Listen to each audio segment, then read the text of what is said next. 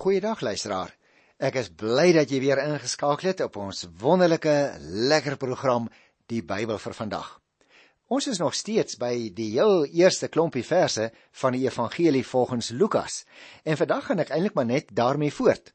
Ek wil net ook vir nuwe inskakelaars sê dat ons in die eerste 2 hoofstukke van die Evangelie van Lukas eintlik die geboorteverhale van twee persone het, naamlik die van Johannes die Doper en die van Jesus van Nasaret.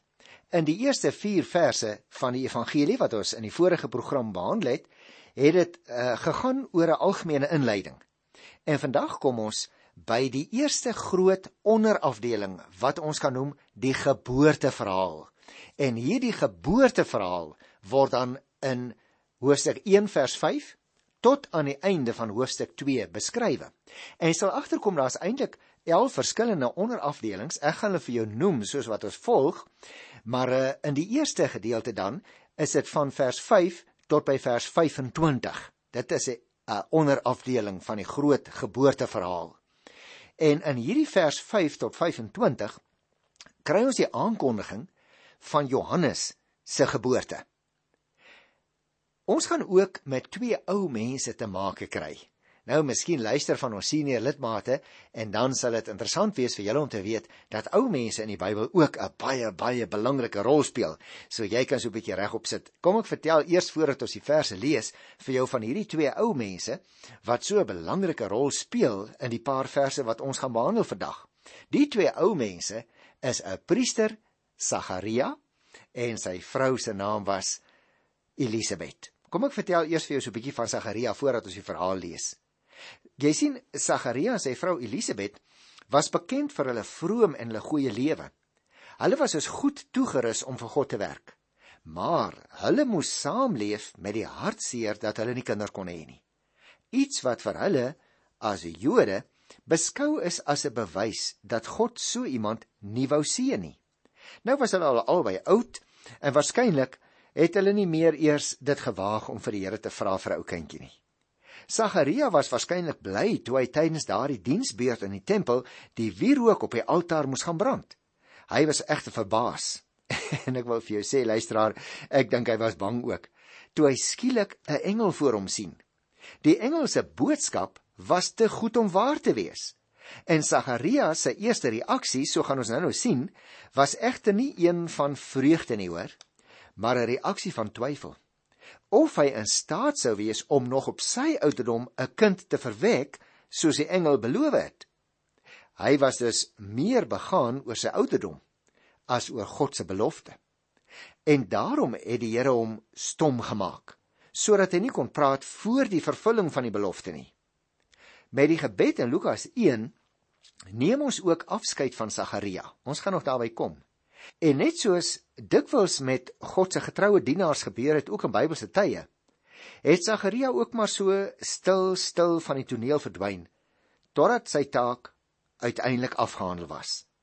En hierdie man is vir ons 'n voorbeeld van iemand wat gehoorsaam was ondanks sy eie vertwyfeling. Hy versterk ook die hoop dat die Here groot dinge kan doen deur enigiemand wat gewillig is om in diens van die Here te staan. Ek lees in Lukas 1 vers 6 en 7. Hulle was albei getrou aan die wet van God en het onberispelik al die gebooie en voorskrifte van die Here onderhou. Hulle het geen kind gehad nie omdat Elisabet onvrugbaar was. Buitendien was albei reeds op ver gevorderde leeftyd. En daarom voordat ons die teksverse self lees, kom ek vertel eers gou vir jou soms so 'n bietjie van sy vrou Elisabet. Nou luisteraars in samelewings soos die van Israel is 'n vrou se waarde destyds in 'n groot mate bepaal deur haar vermoë om kinders in die wêreld te bring. 'n Kinderlose vrou het dus baie baie swaar gekry in Bybelse tye en is dikwels in die openbaar selfs verneder. Elisabet was eensaam en sy was bedroef omdat sy kinderloos moes oud word. Maar die wonderlike ding wat ons in die Bybel lees, sy het aan God getrou gebly. Nou volgens Lukas se verhaal was sy en haar man Sagaria van wie ek jou nou net vertel het, albei afstammelinge van priesters. Sagaria moes elke jaar vir 2 weke lank in die huis van God afweggaan om in die tempel in Jerusalem te gaan tempeldiens doen. Hulle lewe dus waarskynlik in 'n welbekende rotine verval. Maar Lukas vertel hoe Sagaria op 'n dag na sy tempeldiens stom, baie opgewonde, hoe sal ek sê verras, bang tuis gekom het. Hoekom? Sy nuus was dat 'n wonderlike ding met hom gebeur het. Dit waaroor hulle nog altyd net kon droom, gaan nou 'n werklikheid word, wil hy vir sy ou vrou Elisabeth vertel. Elisabeth sou uiteindelik kort daarna swanger raak en sonder twyfel weet dat die Here aan haar 'n geskenk gegee het waarop sy haar hele lewe lank gehoop het. En nou het al haar hoop al begin vervaag, want sy's 'n ou vrou. In Lukas se verhaal blyk dit nou dat die ouers van Johannes en Jesus familie is. Albei die moeders raak swanger op 'n wonderbaarlike bo-menslike manier en kom daarna by mekaar uit om in mekaar se vreugde te deel. Elisabeth besef egter reeds dat haar kind slegs 'n dienaar van Maria se kind sal wees. Dit skep geen geen jaloesie by Elisabeth of selfs aan die ander kant dit skep ook nie arrogansie by Maria nie want albei word net eenvoudig bewus daarvan dat hulle slegs instrumente in die Here self se hand is. Met sy geboorte het Elisabeth daarop aangedring dat haar seun Johannes die naam moes skryf wat die Here wou hê. Sagaria haar man het dit bevestig deur dit neer te skryf en dadelik kon hy weer praat. Almal het waarskynlik gewonder wat van daardie spesiale kindjie sou word. En as ons nou 'n kernvers moet soek, luisteraars dan sou ek Lukas 1 vers 43 tot 45 vir ou Elisabeth wou gaan neerskrywe. Waaraan het ek dit te danke dat die moeder van my Here na my toe kom? Kyk, net toe die geluid van jou groet in my ore klink, het die kindjie in my van vreugde beweeg. Gelukkig is sy wat glo dat in vervulling gaan wat deur die Here vir haar gesê is. Is dit nie ook vir jou of vir my 'n wonderlike les nie, luisteraars? dat ons regtig sal glo wat die Here vir ons sê. Nou maar genoeg agtergrond. Genoeg gepraat oor twee belangrike persone, senior lidmate, vir wie ons hier ontmoet in Lukas by die eerste hoofstuk. Kom ek begin dan by die 5de vers. In die tyd van koning Herodes van Judea was daar 'n priester met die naam Sagaria uit die diensgroep van Abia.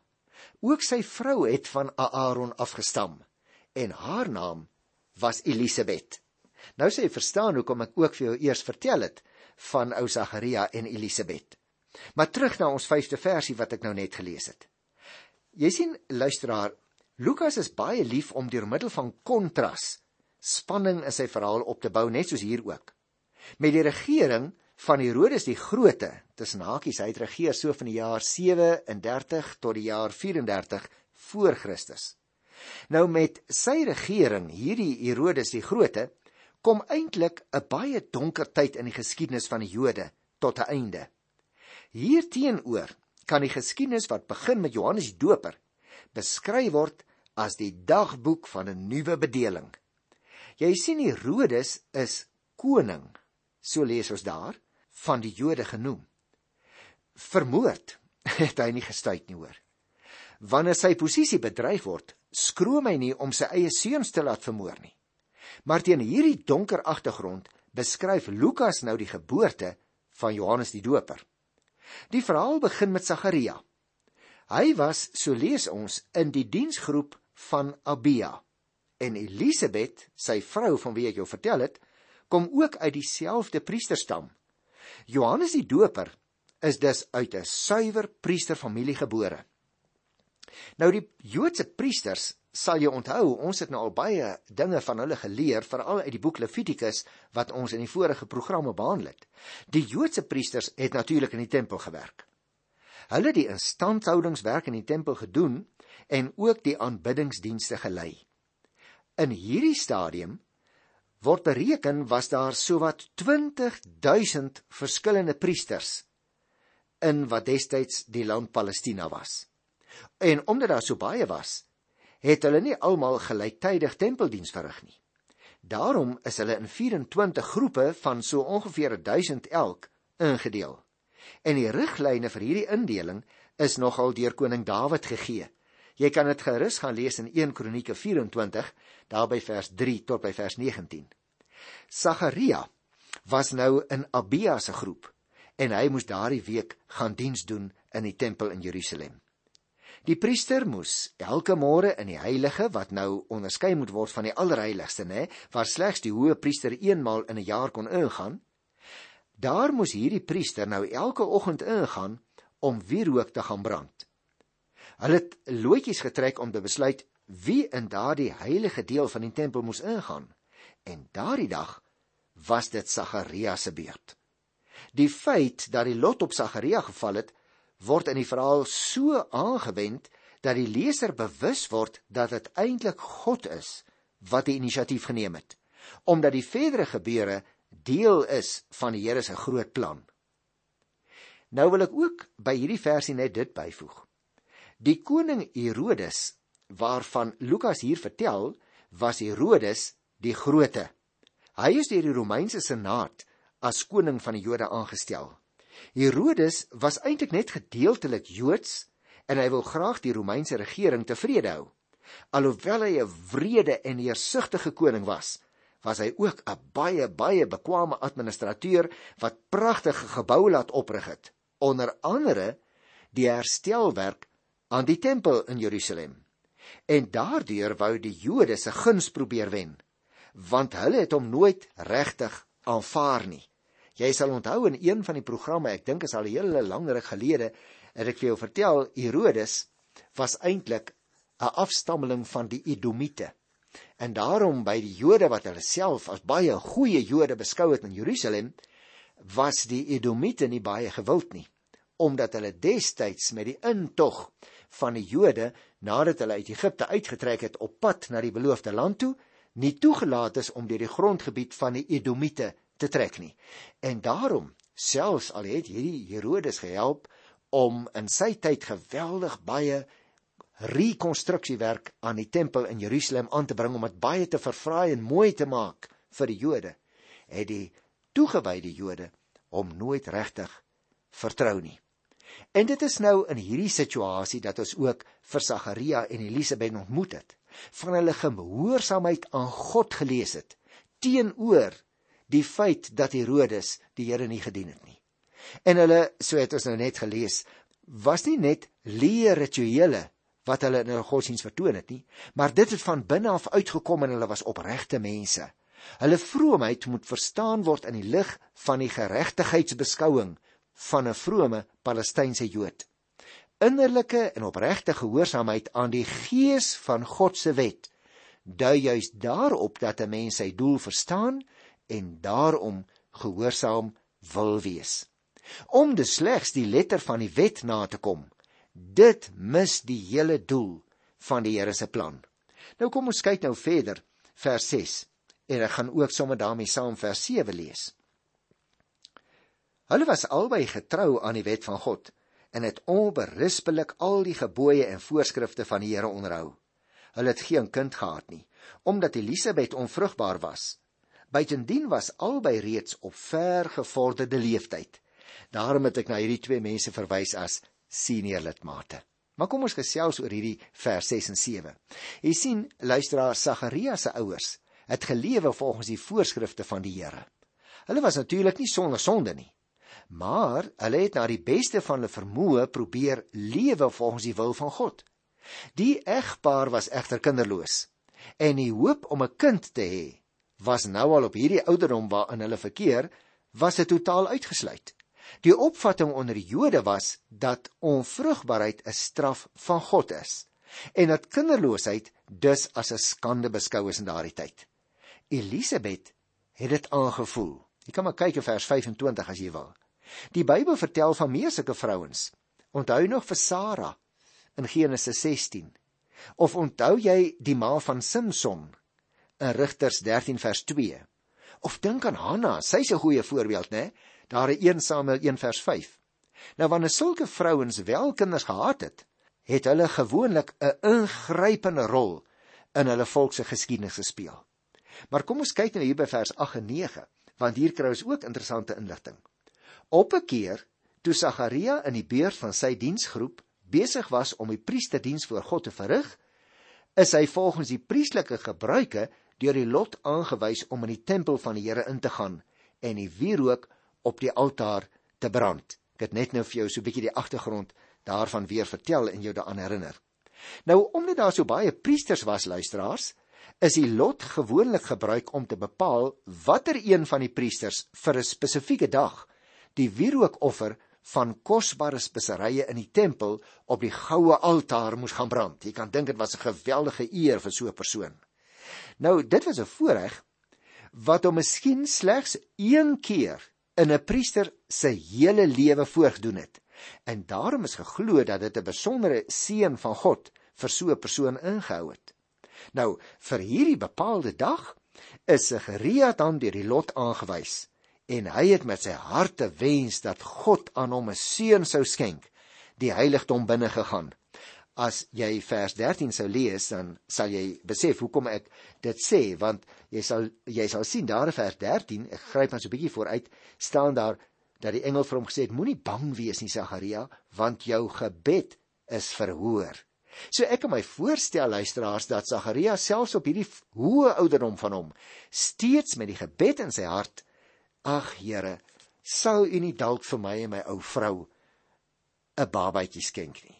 Ons ons weet ons is al so oud, maar die ver, ver, verwagting Here, dit lewe nog steeds in my hart. Ek weet nie regtig van my vrou nie. En so lyk dit vir my, luister, so gaan nou Sagaria daardie dag sy dag se tempeldiens in Jerusalem doen. Kom ek lees vers 10. Ek is eintlik haastig om aan te gaan met hierdie gedeelte. Terwyl hy die wierookoffer gebring het, was die hele volksmenigte buite besig om te bid. Nou luisteraars, die gereelde gebedstye vir die volk was soggens 9 uur en smiddae om 3 uur. Terwyl die priester dan in die heiligdom ingaan, wag die volk in die voorhof van die tempel. Wanneer hulle die rook van die offer sien opgaan, het hulle gekniel en elkeen het saggies by homself gebid: God van barmhartigheid, kom in u heiligheid en neem die offer van u volk in u welgevalle aan. En dan het hulle op die priester gewag om uit te kom en die seën oor hulle uit te spreek. Jy onthou nog daardie seën wat uitgespreek is. Uh nee luisteraar, jy kan dit gerus naslaan in Numeri 6. Dit is die sogenaamde priesterlike seën. In Numeri 6 vers 23 tot 26 sal jy dit daar kry. So twee keer op 'n dag is hierdie wierookoffer aan die Here gebring. En terwyl die volk buitekant in die voorhof bid, bring die priester dan die offer en die wierook is 'n simbool van hulle gebede wat na die troon van die Here toe opstyg. Nou kom ons kyk hier by vers 11.